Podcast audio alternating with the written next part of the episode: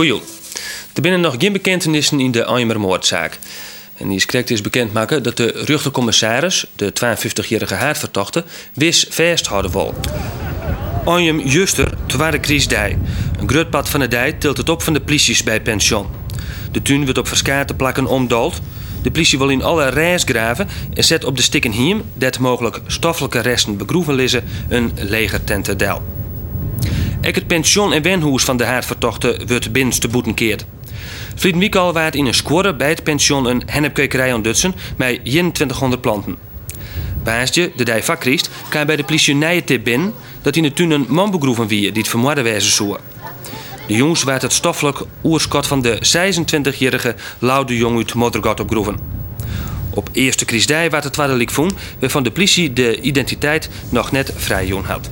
Die tweede derde is Herman Sonnemans, die dek vaak bij het pension te vinden maar al een jellier net jongen wie. Het verhaal gier dat hij naar Cimenta wie, die in Spanje wennen. Maar hij leidde dus al een jellier begroeven op het terrein van het pension. Marian van der Ewe het veroordelen verdoebele moord. Ze krijgt zes hier gevangenisstraf en TBS met dwangverpleging. Marian zelfs ontkent en dat houdt ze haar hele lippen vol. Dat betekent dat haar TBS heel niet verlengd wordt, want een ontkennende dierder kan net behandelen worden.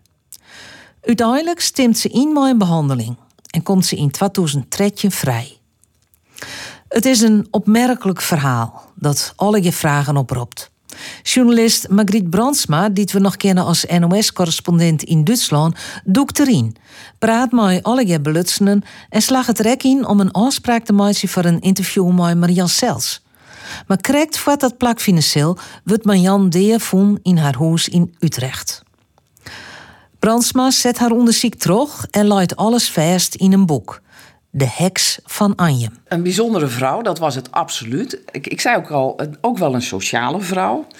Ehm, kijk, wat, wat, wat zij deed was, ehm, toen ze eenmaal dat pension had... ze had dus ook een huis en een vakantiehuisje in Moddergat. En dat vakantiehuisje, dat ging ze wat meer verhuren. Beide slachtoffers uh, hebben een tijdje dat vakantiehuisje gehuurd.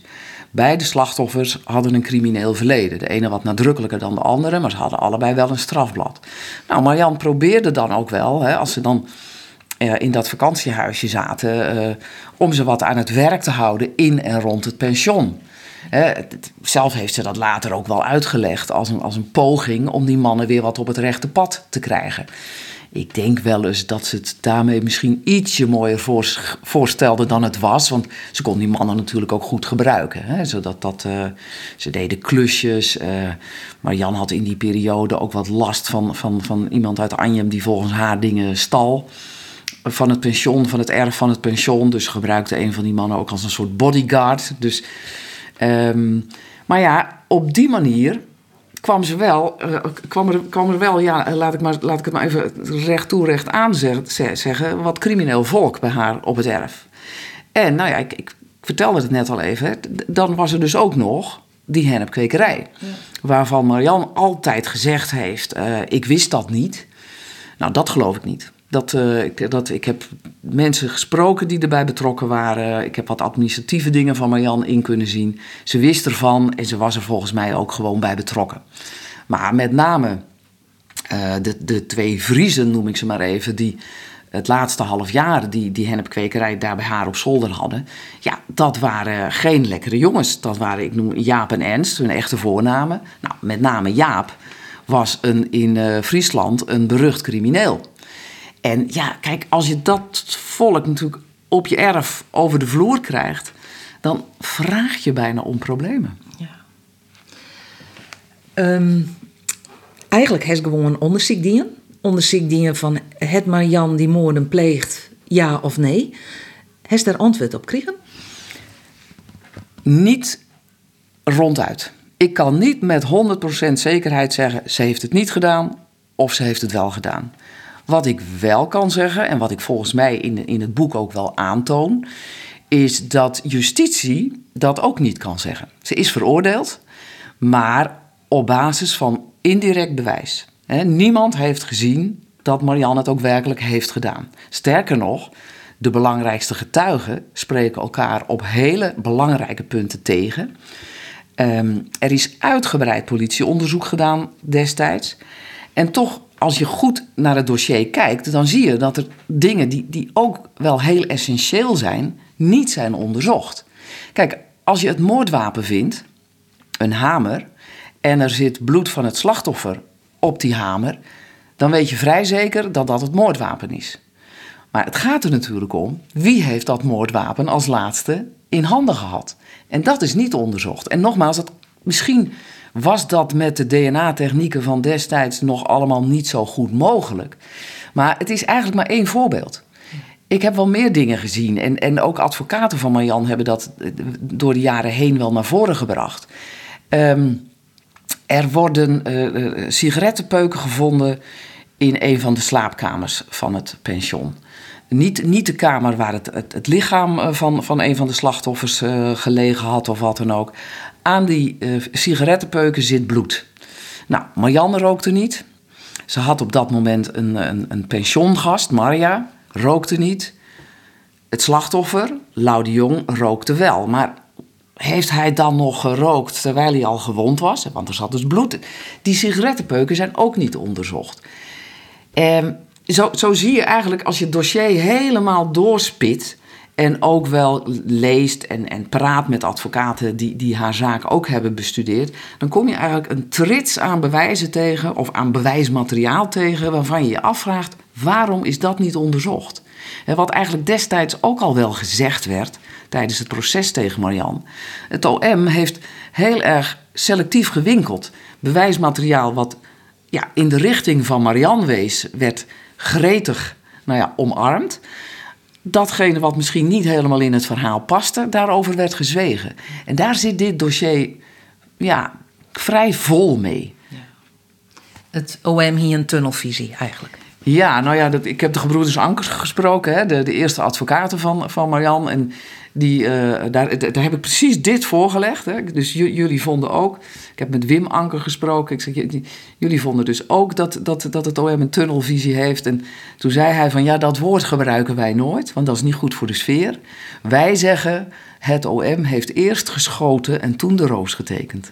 Uh, dat komt natuurlijk wel op hetzelfde neer. Ja, dat, dat um, kijk, vanaf het moment, hè, het, het, het verhaal is begonnen op kerstavond 24 december 97 in het politiebureau van Dokkum. Daar komen twee mannen, Ernst en Jaap, eigenaren van de een week eerder opgerolde hennepkwekerij, aangifte doen van de dubbele moord. Ze zeggen meteen ook, Marian van der E heeft het gedaan. En vanaf dat moment zie je eigenlijk dat, dat, dat het onderzoek er heel erg op gericht is om, alle, om, het, om op het verhaal van die twee mannen uh, ja, vorm te geven. Zo is het gegaan, zegt Ernst, die Marian geholpen zou hebben met het, het inpakken van, van een van de beide lijken en het naar de, naar de voortuin te slepen. Nou, je ziet dat de politie gaat dan op zoek naar de, naar de sleepsporen, die vinden ze dan ook. En dus dat verhaal zal wel kloppen. En ja, tunnelvisie. Ik zeg niet dat het bewust is gedaan, absoluut niet. Ehm, ik geloof echt, ik, ik, heb, ik heb Jan Verkijk ook gesproken. Hè. Hij was toen tactisch coördinator van het rechercheteam dat de moorden onderzocht. En, en hij heeft me ook echt uitgelegd hoe grondig dat onderzoek is geweest. Maar grondig wil niet zeggen dat je, ehm, dat je ook, ook echt alles onderzoekt. En ik denk dat ik dat wel aantoon in mijn boek. Ja. Was ik ontoonst in het boek, is een naïef feit. Ja, ja ik, ik, ik hoop inderdaad ook dat het in juridische termen gezien wordt als een nieuw feit. Want dat zou dan kunnen betekenen dat het proces nog een keer uh, heropend wordt. Ja, kijk, het OM Leeuwarden toen. Uh, het OM Leeuwarden heeft altijd doen voorkomen dat er twee mannen, Ernst en Jaap, spontaan naar het politiebureau gestapt zijn. omdat ze niet konden leven met de wetenschap dat Marian van der E twee mannen had vermoord. 24 december, s'avonds om 7 uur, doen ze aangifte van die dubbele moord. Ik had daar meteen al een beetje vraagtekens bij. Omdat ik dacht, 7 uur s'avonds, 24 december... en het politiebureau Dokkum zit vol agenten... die dit soort verklaringen op kunnen nemen. Hoe, hoe... Dus daar ben ik heel erg ingedoken. Um, en toen stuitte ik op een interview met een, uh, een regisseur uit Franeker... Uh, bij Omroep Friesland vertelde hij in een soort afscheidsinterview over de grote zaken die hij heeft gedaan. En toen noemde hij ook het, of de pensioenmoorden. En toen waar ik opbellen, trok een, een, bekende van mij, die zei: Ik heb informatie voor je. Hij zegt dat hij gebeld werd op 24 december door een bekende en niet door een collega. Dat vond ik ook al gek. En dan zegt hij ook nog dat hij dat telefoontje van die bekende, die dus wist van de beide moorden, kreeg in de namiddag. In ieder geval voor het moment dat Jaap en Ernst naar het politiebureau gingen. Dus ik heb contact gezocht met deze regisseur, Wessel Veenstra. Hij was, hij was een van degenen die, die prettig bereid was om met me te praten. En ook inderdaad uitgelegd heeft van ja, ik was eh, destijds runner bij de regionale criminele inlichtingendienst. Wat is een runner? Een runner is een, eh, een aanspreekpunt van de politie voor informanten en infiltranten. dus hij, hij was regisseur, politieagent, maar met een speciale opdracht, noem ik het maar even. En hij zegt, ja, ik kreeg inderdaad op 24 december uh, in de namiddag een, telefoontje van uh, iemand die voor ons werkte als informatiegever, zoals hij dat zelf noemt. En die dus wetenschap had van die beide moorden. En we hebben, hij samen met een collega, met deze man afgesproken op een. Uh, of nou, hij wilde zelfs niet eens zeggen of het een man of een vrouw was. Maar we hebben afgesproken op een donker weggetje tussen Veenwouden en Hurrigarriep. En nou ja, daar heeft de, de, de informant uit de doeken gedaan wat hij wist. En uh, kijk, Wessel wilde absoluut, Wessel Veenstra wilde absoluut niet tegen mij zeggen wie, wie die persoon was. En dat snap ik ook. Ik bedoel, dat hoort bij zijn beroepscode. Hij heeft een eet afgelegd. Hij kon dat niet zeggen. Maar ik dacht natuurlijk van ja, het is natuurlijk wel heel interessant om te weten wie dat is. Uh, want die kan vast ook iets zeggen van waarom Ernst en Jaap nou zo onbevangen naar de politie stapten. En ik had eigenlijk wel het idee, het is gewoon een van die twee zelf geweest. Ik had dat alles gehoord ook, dat er in die kring van, van criminelen die bij Marianne op het erf kwamen, ook een informant van de politie zat. Dus ik dacht, uh, stoute schoenen aantrekken, ik begin bij Jaap. Nou, en dat was meteen bingo. Jaap vertelde eigenlijk, zonder ook de naam te noemen van, hè, want ook hij is natuurlijk helemaal geïnstrueerd van dat hij nooit de naam van zijn runner, van zijn contact bij de politie mag noemen. Maar hij begon inderdaad uh, nou ja, het verhaal te vertellen dat op de ochtend van 24 december Ernst bij hem op bezoek kwam. Ernst was helemaal in paniek, want hij had de avond daarvoor Marjan geholpen met een lijk in te pakken en het naar de tuin te slepen. En Ernst was in paniek van, ja, wat moet ik nou? Want ik wil hier eigenlijk niks mee te maken hebben. Dat vertelde Jaap. En uh, toen zei Jaap, nou uh, Ernst, ik moet hier eens over nadenken. En um, ja, zegt Jaap, ik had wel wat contact met iemand van justitie, politie. En toen zei ik van ja, en dus hebben jullie afgesproken op dat donkere weggetje tussen Hurriga-Riep en Veenwouden. En, nou ja, en toen keek hij me stom verbaasd aan van hoe weet jij dat? ik zei nou dat is niet zo, niet zo interessant hoe ik dat weet. Ik zei maar jij was dus degene die... Uh... En daar deed hij toen ook niet moeilijk over. Toen zei hij nee, dat klopt. En toen vroeg ik aan hem, uh, maar goed, waarom, uh, waarom heb je dat nou gedaan? Waarom, waarom, ben je niet, niet gewoon meteen naar de politie gestapt? Dat had je ook kunnen doen, waarom moest je runner daartussen zitten? En toen zei hij, ja, uh, moet je luisteren, ik met mijn criminele verleden... het hele pension zat daar onder mijn vingerafdrukken, want ik had daar die hennepkwekerij. Ja, ik wist wel bij wie ze uit zouden komen als mogelijke dader van die moorden. En ik wenste, nou, in iets andere woorden, maar hij wilde niet als verdachte gezien worden. Dus vandaar uh, deze uh, getrapte aangifte. Overigens, en dat is natuurlijk ook nog wel interessant om te weten, hij heeft er ook nog 20.000 gulden voor gehad, voor deze tip van dubbele moord. Dus Jaap is niet, is niet spontaan naar de politie gestapt. Ernst ook niet. Ik heb ook contact gehad met Ernst, destijds de houthandelaar van Anjem. Alleen via e-mail. Hij wilde niet met me spreken. Maar ik heb ook ernst gevraagd. Ik zeg, als het dan zo op je geweten drukte, die dubbele moord... waarom ben je dan niet rechtstreeks naar het politiebureau gegaan... maar heb je, heb je Jaap eerst ingeschakeld? En toen zei hij... Uh, ja, dat was uh, omdat ik geen zin had om de kerst uh, op politiebureau te gaan zitten. En ik wist dat Jaap... Jaap had ook een escortbureau dat een van de klanten van Jaap een officier van justitie uit Leeuwarden was. Uh, en ja, hij suggereerde dus, die kan er wel voor zorgen dat ik buiten schot blijf. toen ik hem dat vroeg, van heb je hem daarmee gechanteerd? Toen zei hij van nou, het was niet als chantage bedoeld, maar meer eh, als weet dat, dat hij wel wist, of dat we wisten van de connectie, zo zei hij dat. Maar goed, ook Ernst dus is absoluut niet rechtstreeks naar het politiebureau gestapt. En dat, beide mannen hebben echt wel gezorgd dat ze zelf buiten schot zouden blijven. En toen waren ze bereid om naar het politiebureau in Dokkum te gaan. En ja, dat was tot nu toe niet bekend. Dit is toch wel uh, belangrijke informatie die ze op wetten kregen heeft.